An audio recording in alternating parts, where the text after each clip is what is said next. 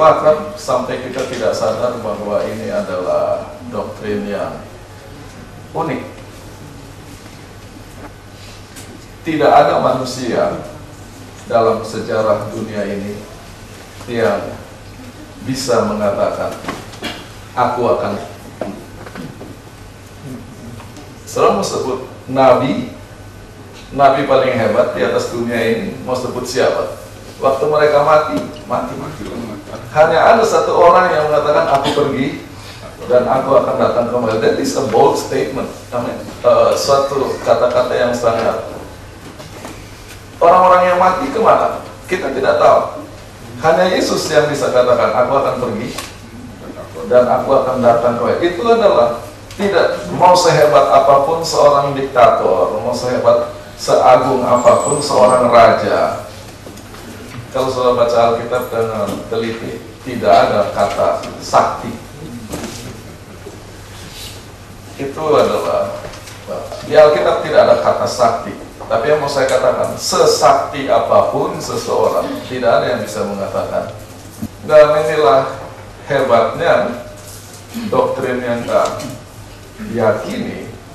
Saya bisa katakan umur saya sekarang sekitar 50 nanti saya akan mati dan saya akan datang kembali.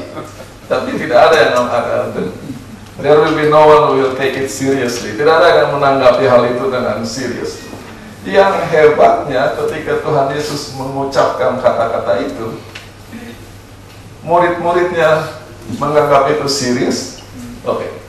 mereka tidak mengerti dia bicara apa tapi nanti setelah itu mereka mengerti dan statement itu bertahan 2000 tahun dan dari generasi ke generasi orang percaya itu adalah jadi the doctrine of second coming is a unique doctrine. Dan itu satu-satunya doktrin milik kekristenan yang dengan segala hormat tidak dimiliki oleh agama lain. Semua agama mengajarkan orang perlu jadi orang baik. Semua agama merindukan, mengharapkan suatu tempat kehidupan yang lebih baik yang namanya surga. Bagaimana ke sana? Hanya kekristenan yang mengatakan, saya jemput. So simple. Di mana itu surga? Bagaimana kita masuk? Don't worry about it. Aku akan datang kembali. Dokter second. Ya itulah sedikit komentar yang saya berikan tentang doktrin uh, kedatangan yang kedua kali. Ada lima kalau tidak salah pertanyaan di akhir pelajaran di hari Jumat. Pelajaran yang pertama adalah tentang kefanatikan. Bagaimana doktrin kedatangan yang kedua kali ini melahirkan dan menimbulkan fanatik-fanatik dan ini berkaitan dengan nubuatan. Ini lebih berkaitan dengan cara menafsirkan nubuatan dan para fanatik ini hanya melihat cara mereka membuat membaca nubuatan tidak ikut dengan cara membaca nubuatan dianggap tidak bertuhan, tidak beriman dan sebagainya. Yang kedua adalah peringatan bahwa sementara menantikan kedatangan Tuhan yang kedua kali ada satu krusial yaitu kita tidak tahu kapan kita mau mati. Dan akhir hidup kita adalah akhir dari penantian itu. Jadi sementara kita membaca nubuatan masih ini kita harus ingat kita bisa mati kapan saja. Itulah sebabnya kita harus bersedia bertemu dengan Tuhan setiap saat. Yang ketiga adalah mereka yang uh, mengejek atau merendahkan konsep second coming. Tadi saya sudah singgung, tidak ada manusia yang bisa katakan aku akan datang kembali. Dan bagi orang yang tidak menanggapi Alkitab secara serius, Tuhan secara serius itu dianggap suatu pernyataan yang mengada-ada. Pertanyaan keempat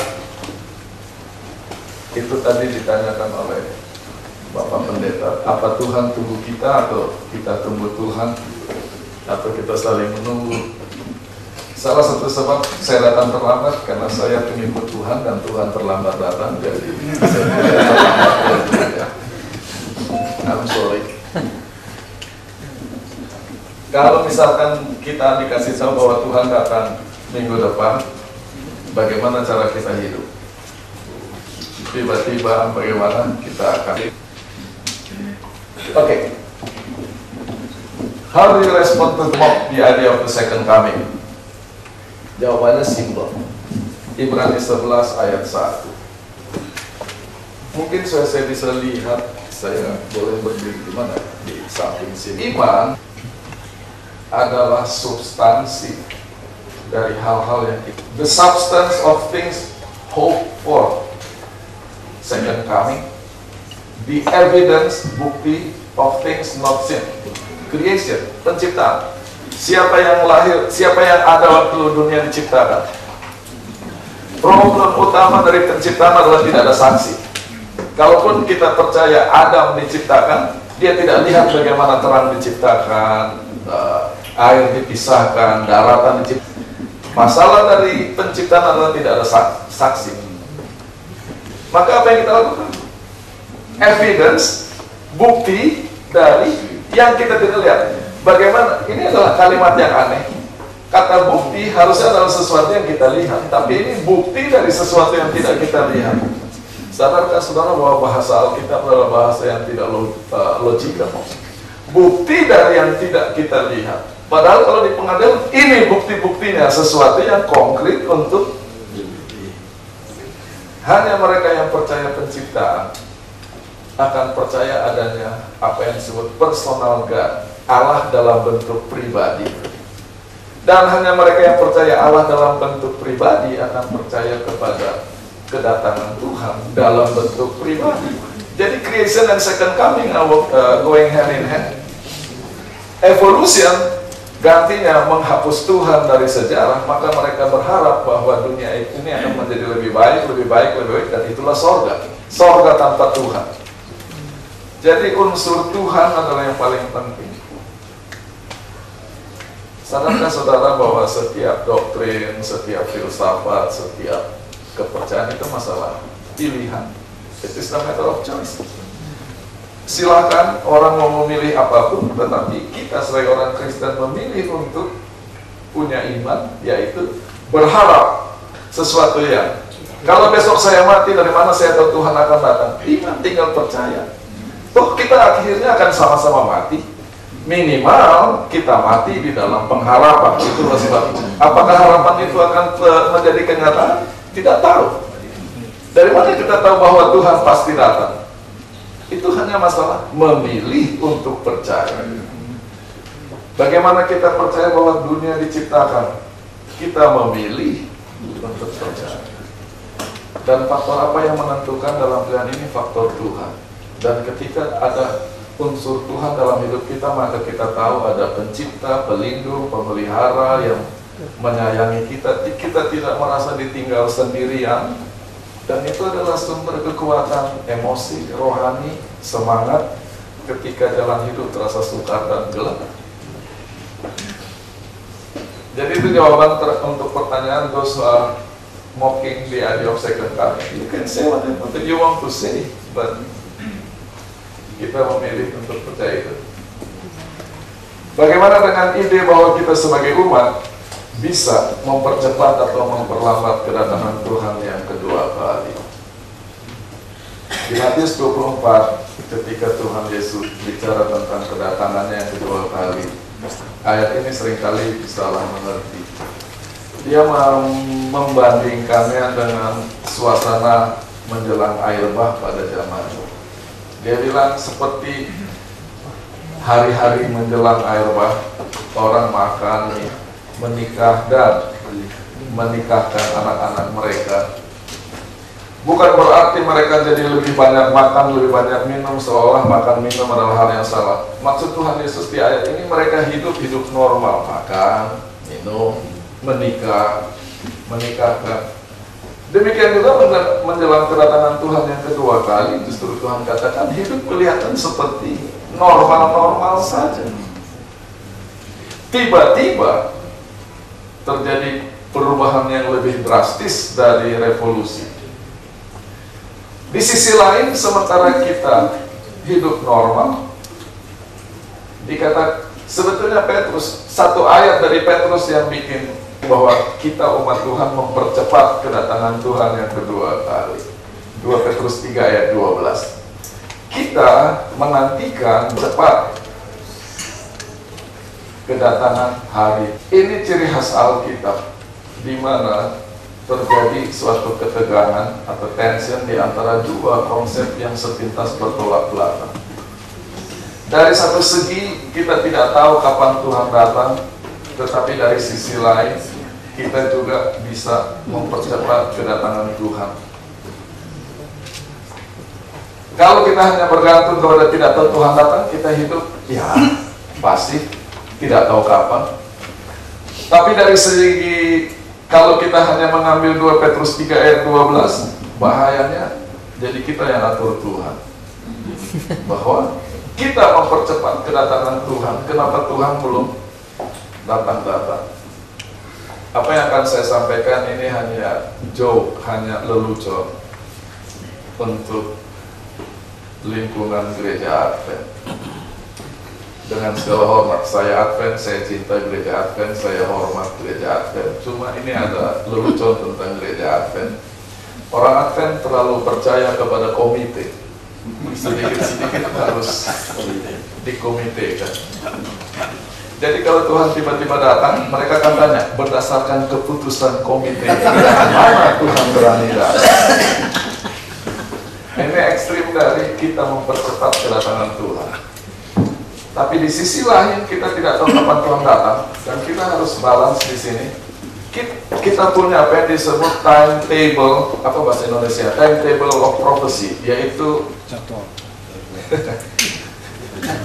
uh, jangka waktu urutan urut-urutan nubuatan dalam satu jangka waktu.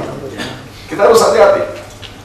Kalau Tuhan datang nanti malam, kita tanya, Tuhan kenapa boleh datang? Nubuatan yang ini belum digenapi, nubuatan yang ini belum digenapi, nubuatan yang ini. Jadi siapa yang Tuhan di sini?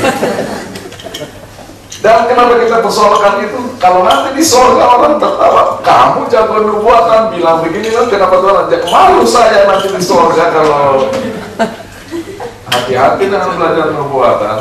Di sisi lain itu adalah penuntun untuk melihat tanda-tanda kedatangan Tuhan, tetapi ada istilah dalam bahasa Inggris let God be God. Biarlah Tuhan tetap dia mau datang kapan? Terserah dia jangan sampai nubuatan kita yang mengatur kapan Tuhan boleh datang atau tidak. Itulah sampai sampai ada jauh berdasarkan keputusan komite nomor berapa itu untuk menjawab uh, apakah kita apa artinya kita mempercepat kedatangan Tuhan?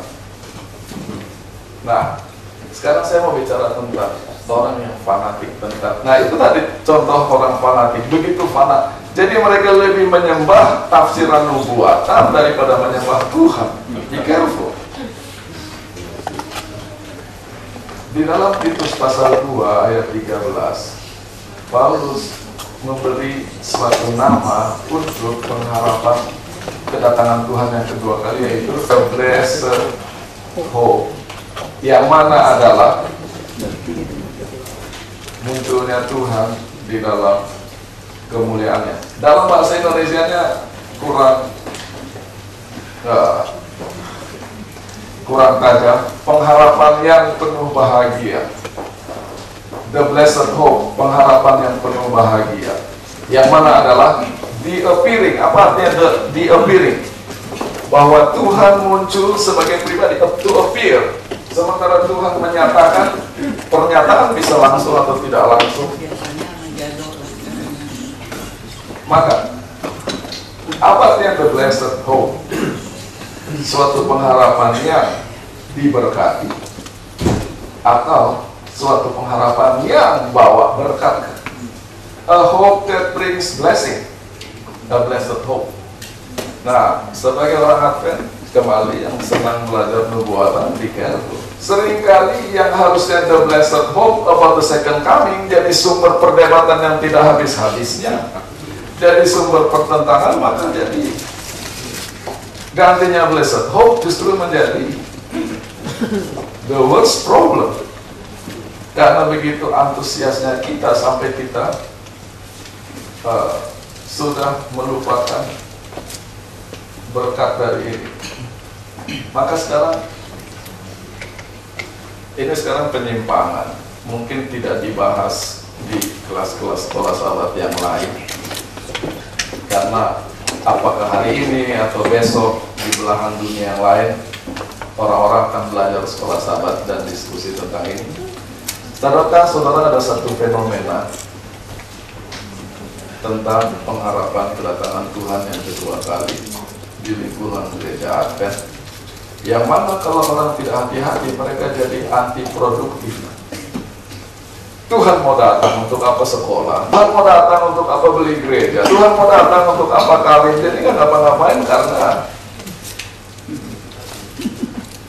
menantikan kedatangan Tuhan tahun. Tunggu saya ingat-ingat dulu tahun berapa ya? Tahun 91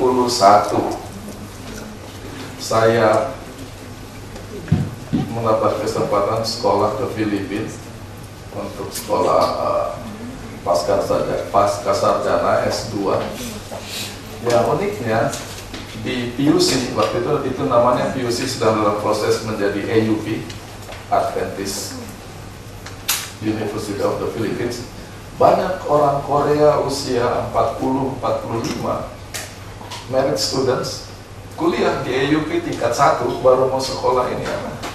bachelor degree. Ada sekitar 30-40 keluarga. Lalu saya tanya siapa mereka ini? Ingat ceritanya tahun berapa? tahun 70-an di Korea Selatan. Muncul suatu gerakan Tuhan sudah mau datang mari kita lari ke gunung-gunung dan mereka semua sembunyi ke gunung, lari ke gunung sembunyi. Tahu-tahu 10 tahun Tuhan gak datang, 20 tahun Tuhan gak datang. Maka mereka mau sekolah udah nggak bisa di Korea. Karena sistem pendidikannya begitu ketat, terpaksa ke Filipina baru mau sekolah bachelor karena Tuhan yang mereka tunggu-tunggu tidak datang-datang.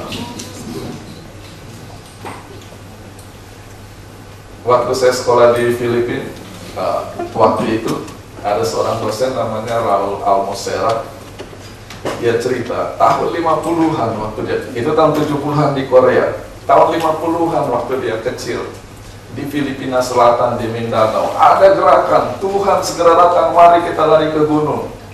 Selalu kan doktrinnya itu itu aja diulang-ulangi.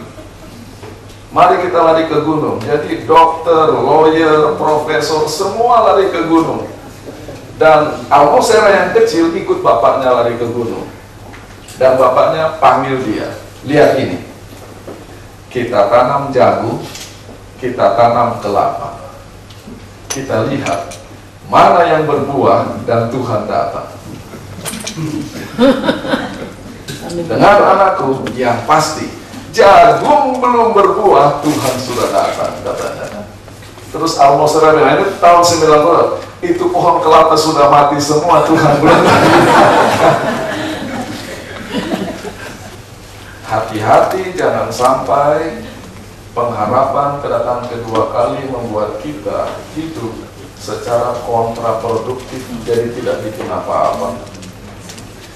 Ada profesor di seminari di Andrews dia adalah pakar Ellen White yang sedang hidup sekarang ini. Nanti kawan-kawan saya cerita tentang dia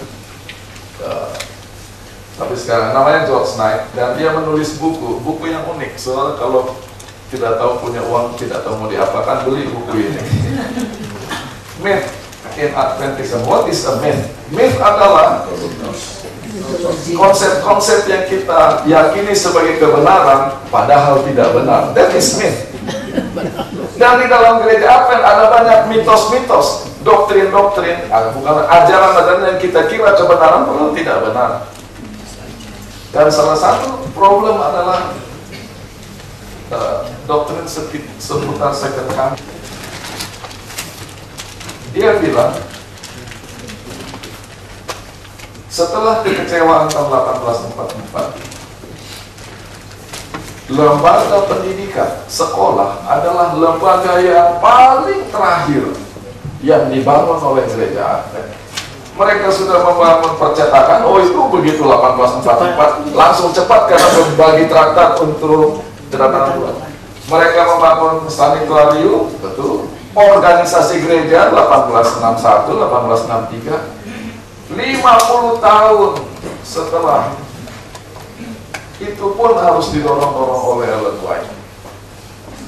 Dan boleh saya cerita sedikit, sering kali pengetahuan membahayakan. Ellen White tadinya tidak percaya bikin sekolah. Dia bilang Tuhan segera datang. Suaminya yang berkeras, no.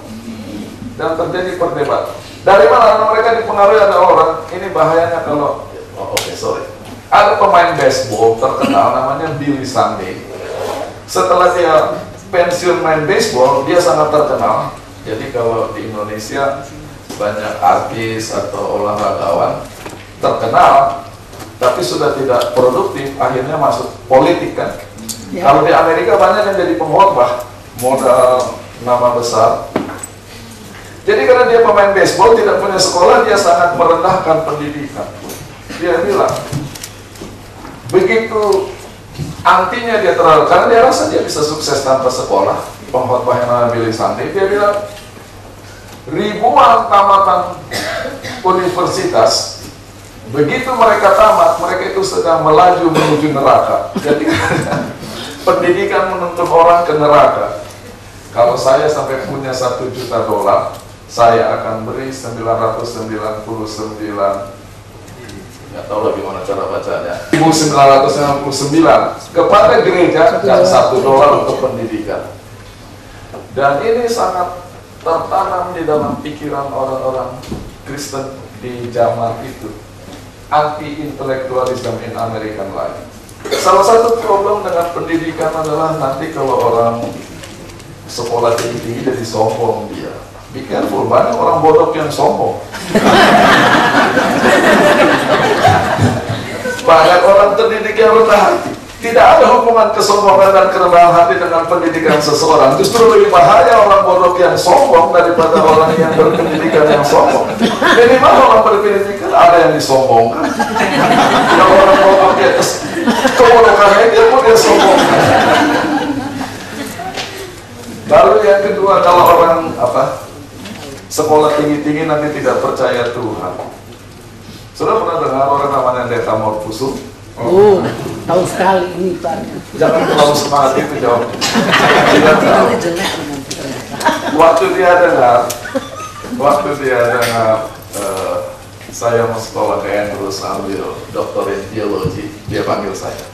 Kira-kira nanti setelah kamu tamat, kamu masih percaya Tuhan atau tidak? Pertanyaannya masih akal. Saya bilang justru saya akan lebih percaya Tuhan setelah saya sekolah.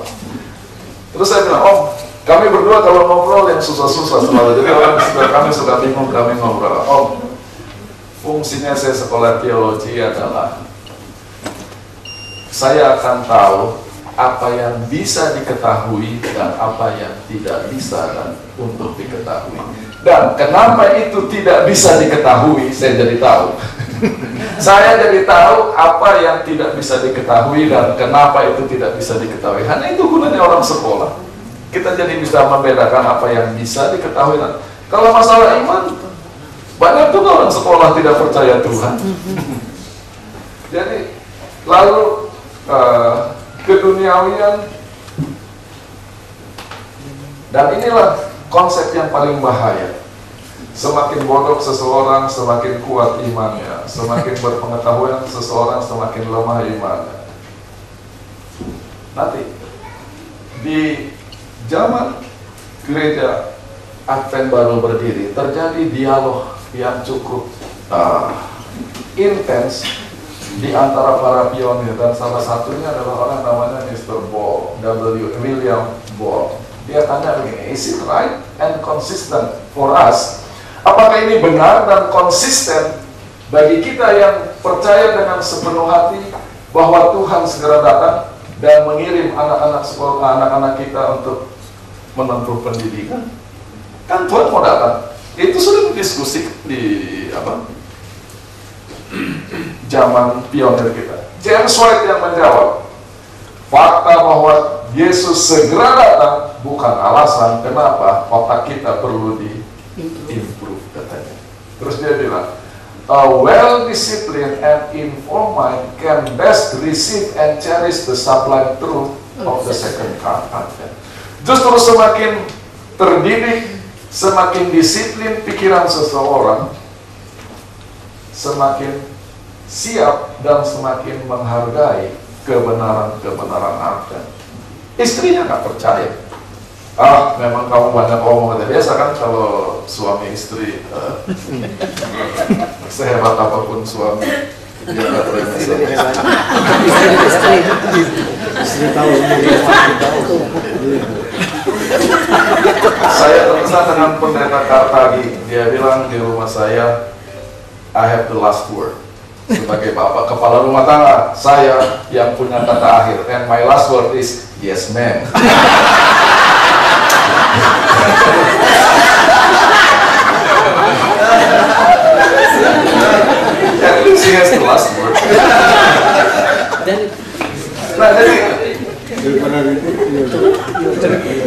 Ini ini masih ini masih tahun 1850 James White sudah teriak-teriak bikin sekolah didik anak-anak kita. Yang lain juga nggak perlu Tuhan mau datang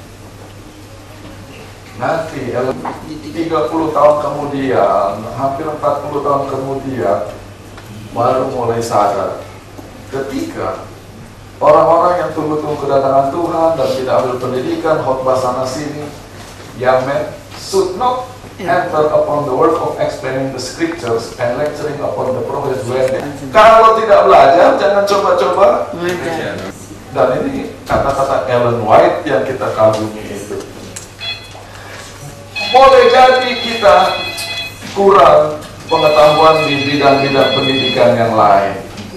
Tetapi yang paling penting kita harus belajar Alkitab secara benar. Tahun 1873 akhirnya dia sadar suaminya benar. Saya lupa James White meninggal tahun berapa. Saya khawatir dia sudah meninggal ketika melihat istrinya bertobat. Jadi Nabi pun Saudara tahu bahwa Ellen White 20 tahun berjuang untuk jadi vegetarian bahwa Ellen White berjuang untuk percaya makanan halal dan haram masih berlaku hukumnya Oh jangan langsung, oh kalau Ellen White Maksudnya, po- poin saya adalah Nabi itu bukan robot Mereka perlu. Kalimat selanjutnya, sambungannya. Ini yang tadi kan saya bilang semakin rendah, semakin bodoh seseorang semakin rendah hati. Ignorance will not increase the humility of spirituality. Bahwa kebodohan, karena banyak orang menyembah kebodohan dan pantas sekali mereka kalau bodoh.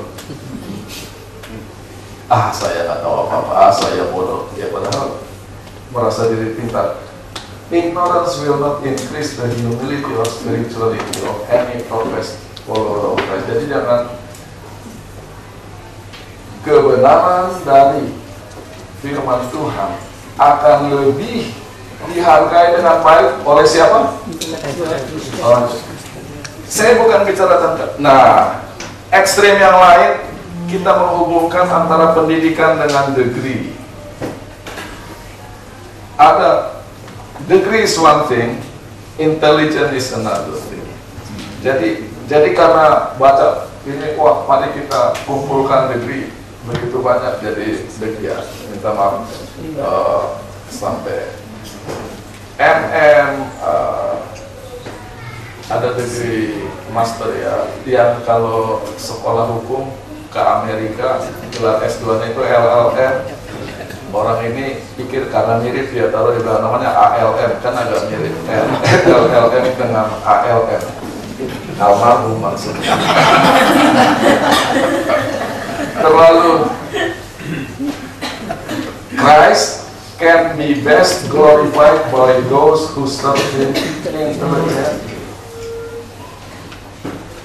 The great object of education is to enable us to use the powers which God has given us in such a manner as will be will best prepare the religion of. Jadi gunanya kita sekolah tinggi-tinggi adalah supaya kita bisa belajar berpikir dengan baik, jernih, disiplin, dan bisa promote the glory of God, bukan to glorify oneself.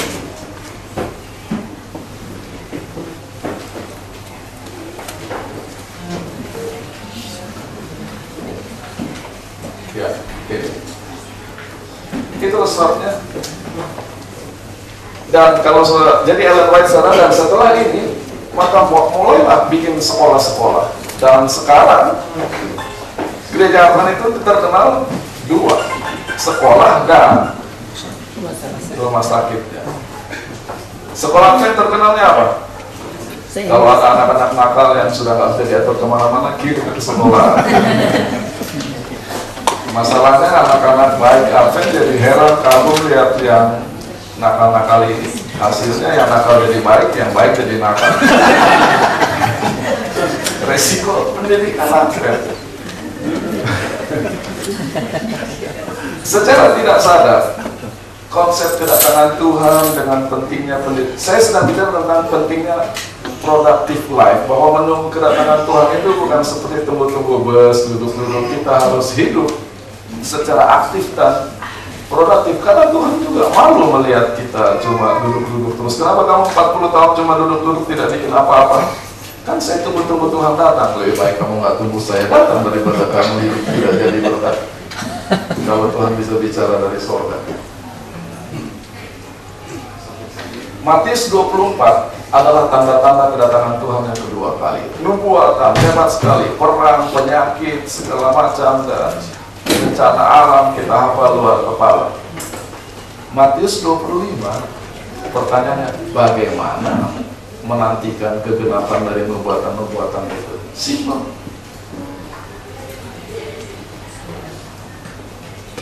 Lima anak darah menunggu yang satu bijaksana, yang satu tidak bijaksana. Yang satu Gerak menunggu kedatangan Tuhan itu seperti orang diberi yang satu dapat satu miliar, yang satu dapat dua miliar dolar, yang satu dapat lima miliar dolar menurut kesanggupannya. Jadi sementara menanti kedatangan Tuhan kita disuruh mengembangkan sibuk untuk kedatangan Tuhan. Ini ketika Ellen White mengomentari uh, perumpamaan tentang talenta. Satu talenta, dua talenta, dan lima talenta. Inilah komentar Ellen White tentang mengembangkan talenta. Tuhan bagi kita untuk memperoleh seluruh pendidikan yang mungkin bisa kita tempuh. Dengan satu-satunya tujuan adalah untuk membagikan pengetahuan kita kepada orang lain. Pikiran kita harus dilatih supaya kalau diperlukan kita bisa menyajikan kebenaran dari firman-Nya di hadapan the highest earthly authorities. Orang-orang paling hebat dengan suatu cara supaya namanya bisa dipermuliakan. Kita jangan biarkan bahkan satu kesempatan pun untuk membuat diri kita qualified secara intelektual bagi pekerjaan Tuhan. Salah tahu kutipan ini bicara apa?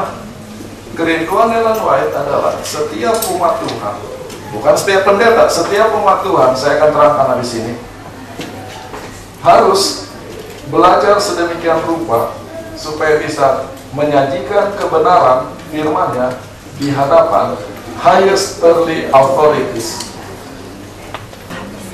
Dan ini jadi penting. Kenapa? Sebetulnya saudara-saudara lah misionari, bukan kami pendeta-pendeta. Kami pendeta Bahkan misionari yang dikirim dari Amerika ke Afrika, ke Asia, ke Amerika Selatan. Mereka bukan misionari. Karena waktu mereka pergi, mereka bertemu dengan anggota.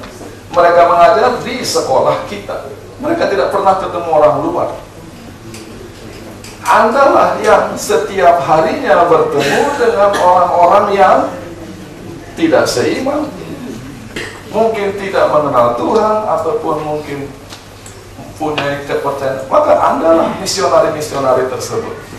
Dan kami pendeta-pendeta tidak mungkin bertemu dengan the highest earthly authorities. Anda melalui pekerjaan masing-masing, jalurnya bertemu dengan orang-orang hebat, maka Ellen White katakan, obtain all the education as possible with the object of imparting our knowledge to others. Jadi bukan itu yang saya bilang tadi bukan untuk koleksi degree.